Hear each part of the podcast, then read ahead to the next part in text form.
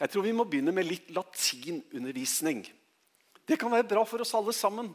Det kan være det er flere enn meg som ikke er så veldig stødige i latin. Men et par ord det kan vi sikkert klare å eh, lære. Og Hvis noen av dere er bombesikre på hvordan dette uttales, så må dere gjerne korrigere. Jeg har lest litt forskjellige versjoner om hvordan det skal uttales, så jeg får prøve sånn som jeg tror er mest riktig. Imago dei. Og det, det, det betyr jo egentlig 'skapt i Guds bilde'. Imago, altså image fra, fra, engelsk, det virker kanskje litt kjent. Bilde. Og dei, det guddommelige. Skapt i Guds bilde. Og Siden kanskje ingen av oss er kjempegode i latin, så slo jeg opp i Store norske leksikon. Og der står det Imago dei er et uttrykk fra første Mosebok som betyr gudsbilde eller avbilde. Kapittel 1, 27. At mennesket bærer imago dei, betyr ikke at det er guddommelig, men at det står i en særstilling blant de skapte. Imago dei uttrykker også Guds mål med mennesket. Det står det i leksikonet. Og det er eh, professor Kristin Joakimsen, professor fra MF, som våker over at eh, utleggelsen skal være riktig når det gjelder det. Dere, for et flott uttrykk! I Guds bilde. Skapt i Guds bilde. Og så har jeg jo lyst til at du og jeg for et øyeblikk kan reflektere. Hvis at du klarer å, eh, å tenke igjennom hva, hva, hva, hva betyr det? Du har sikkert hørt det mange av dere har hørt det massevis av ganger. Noen har kanskje ikke hørt det så ofte. Men, men dette at vi er skapt i Guds bilde, hva betyr det? Og ikke vet jeg hva du tenker. Og eh, jeg vet om en sekt som tolker det dit hen at det, det må bety at Gud ser ut omtrent slik som oss. Og at de tenker at det er en fysisk beskrivelse. Ja, vi er skapt i Guds bilde. Ja, da ser Gud ut slik som omtrent vi gjør. Det må jeg nok erkjenne at det tror jeg i hvert fall ikke på. Ellers er det ikke så lett å si hva man ikke tror på. Men hva, hva, hva tenker du at det betyr for ditt vedkommende at du er skapt i Guds bilde?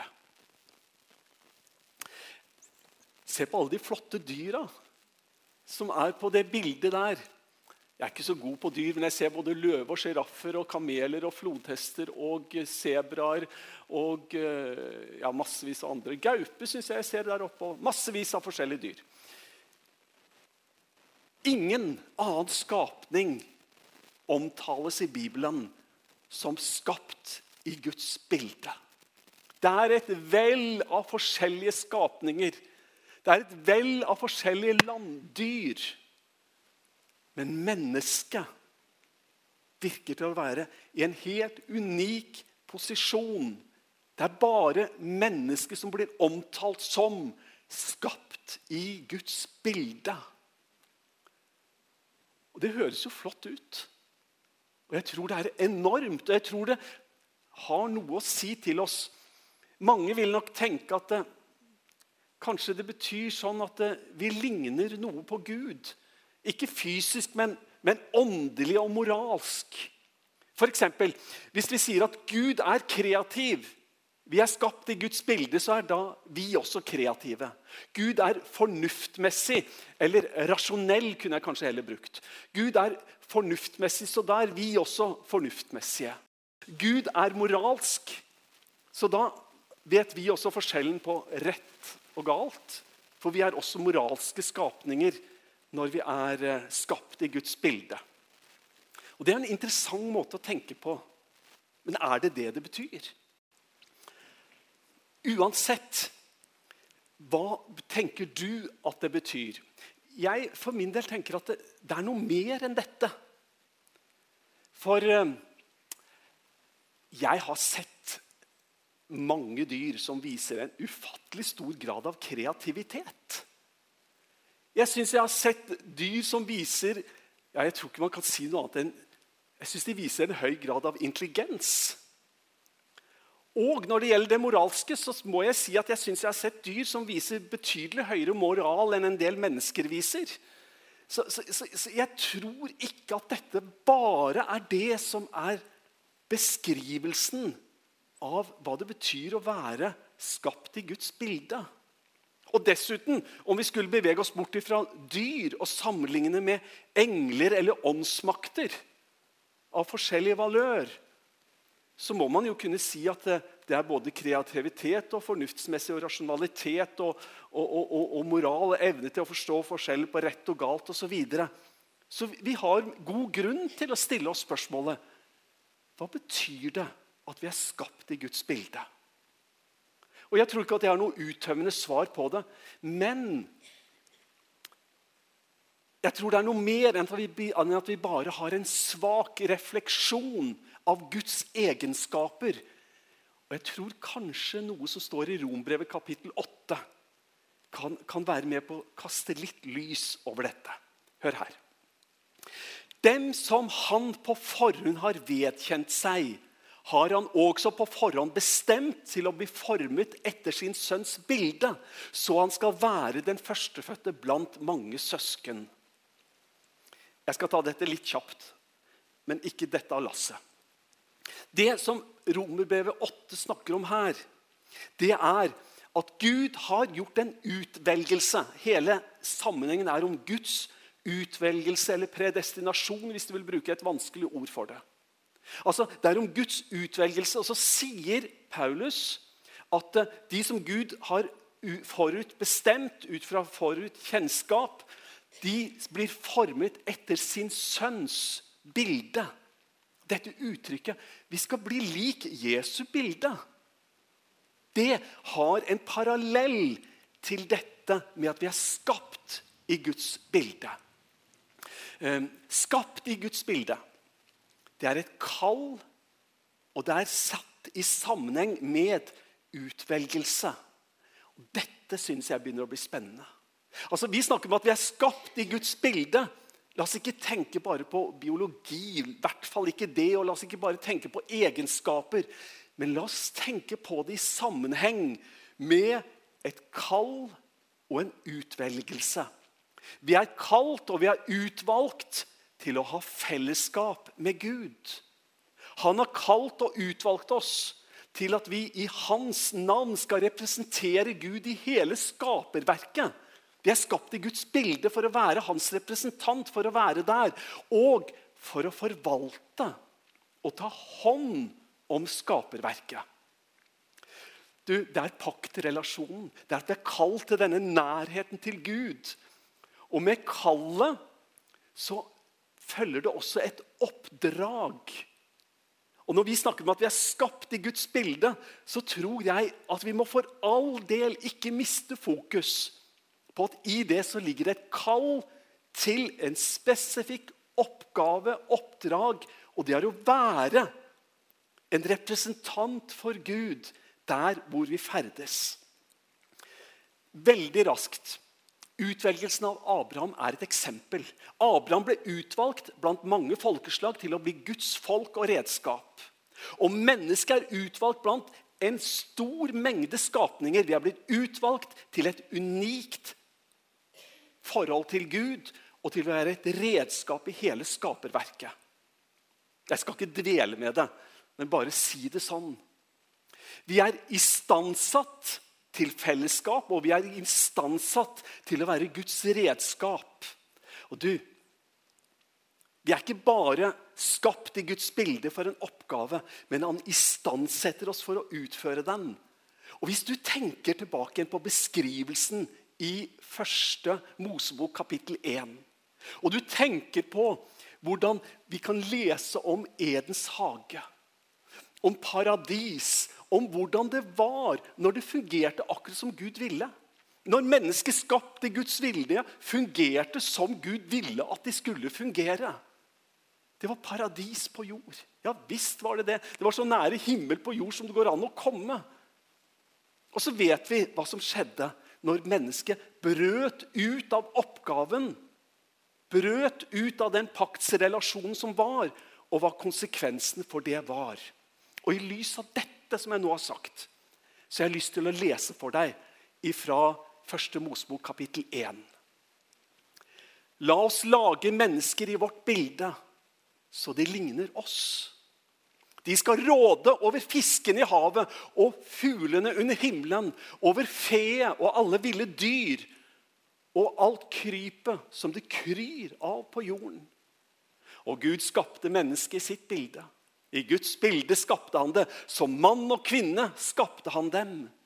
Gud velsignet dem og sa til dem, vær fruktbare og bli mange, fyll jorden og legg den under dere. Dere skal råde over fisken i havet, over fuglene under himmelen, over alle dyr som det kryr av på jorden. Det var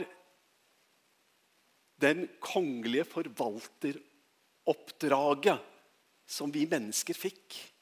Det fulgte en utvelgelse og så skulle vi være skapt i Guds bilde. Vi skulle representere Gud. Og et bilde er en refleksjon av det bildet er et bilde av. Så kan vi jo stille oss spørsmålet hvordan har det gått? I hvilken grad er vi denne bildet av Gud? Vi som er skapt i hans bilde, i hvilken grad reflekterer vi? I hvilken grad speiler vi Gud i vår hverdag? I hvilken grad er det sant at vi i dag er skapt i Guds bilde og fungerer i den oppgaven og i det kallet som vi har fått? La meg stille deg tre raske spørsmål. Er mennesket i dag Guds speilbilde? Angrer Gud på sitt kall? Hva gjør Gud når noe går i stykker? Det er jo litt av et spørsmål. Er mennesker i dag Guds speilbilde? Nei. I hvert fall til en viss grad. Fryktelig vanskelig å svare ja. Altså, mennesket Sånn som vi var kalt, og slik det beskrives i Edens hage. Når vi ser rundt oss i dag, så ser vi krig, vi ser ufattelig lidelse. Vi ser, vi ser sult, vi ser stolthet, vi ser egenopphøyelse, vi ser egoisme. Vi ser naturødeleggelse, vi ser dyr som lider og utnyttes.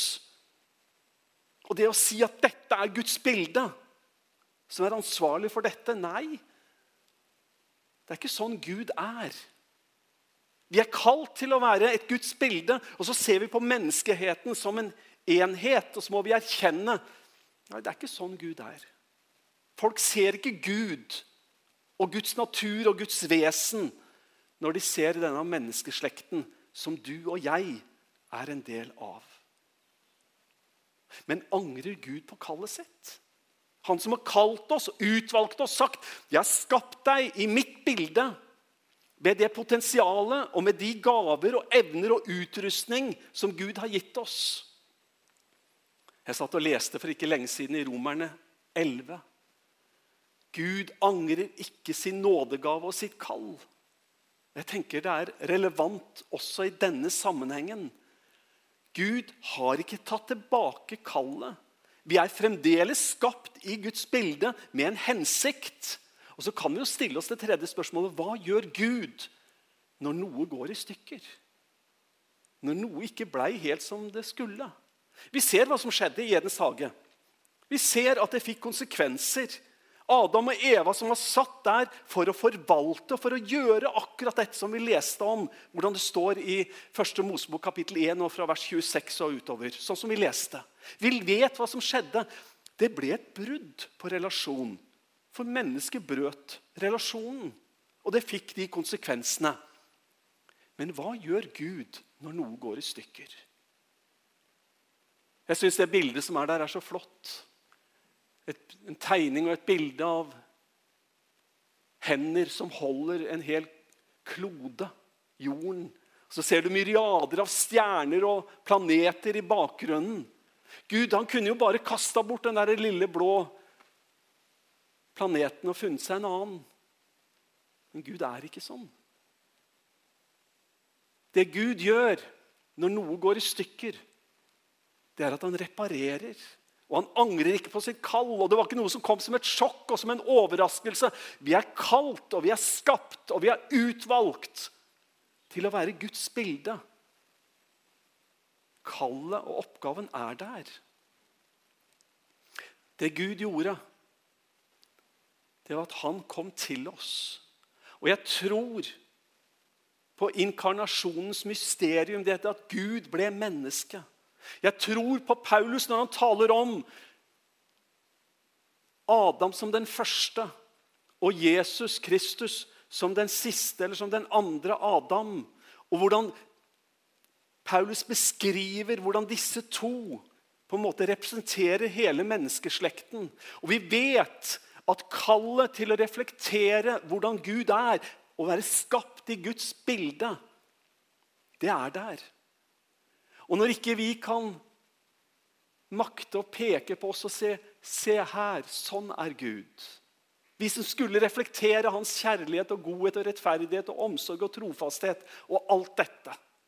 Når ikke vi kan peke på oss selv og si 'sånn er det', så har vi like fullt et menneske som er der, og som forteller oss og hele skapningen hvordan Gud er. Vi har det fullkomne uttrykket for Guds karakter, Guds vilje, Guds omsorg, Guds kjærlighet. Og vi kan bare se opp på det bildet. Bildet av et kors. Bildet av en som henger korsfesta og beskriver til oss hvordan er Gud. Jo, Gud, han er sånn. Og du og jeg vi er skapt i Guds bilde for å reflektere dette. Og så erkjenner vi at det er en kamp mellom det gode og onde.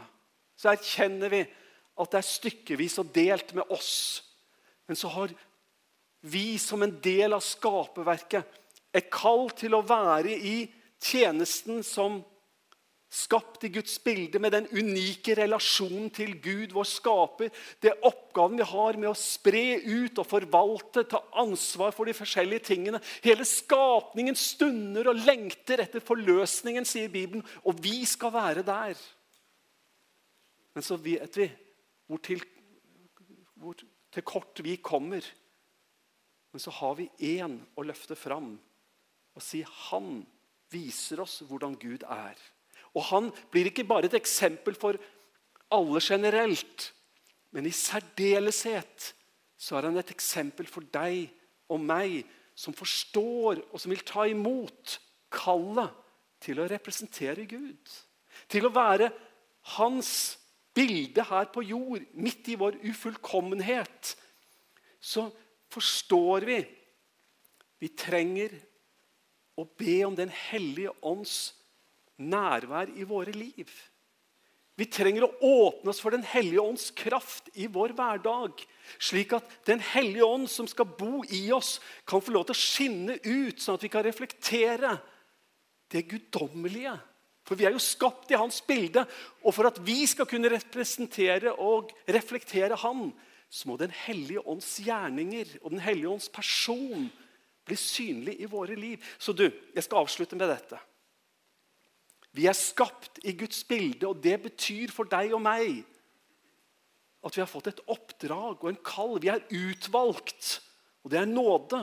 Men det er en oppgave og et ansvar som følger med. Og det er at vi skal reflektere Guds godhet og kjærlighet. Men så har vi en som vi selv får lov til å lære av. Så har vi en som vi får se opp til og be om nåde og kraft. Og det er han som viste lydighet inntil døden, ja, korsets død, så har vi noe å lære. Så er han med oss. og så har Han sagt han vil være med oss alle dager. Du, medvandrer, du er skapt i Guds bilde. Og det åpner opp enorme muligheter for oss. For han har utvalgt oss til å representere seg på denne jord. Og han har gitt oss et forvalteransvar. Det følger med det å være skapt i hans bilde. I Jesu navn. Amen.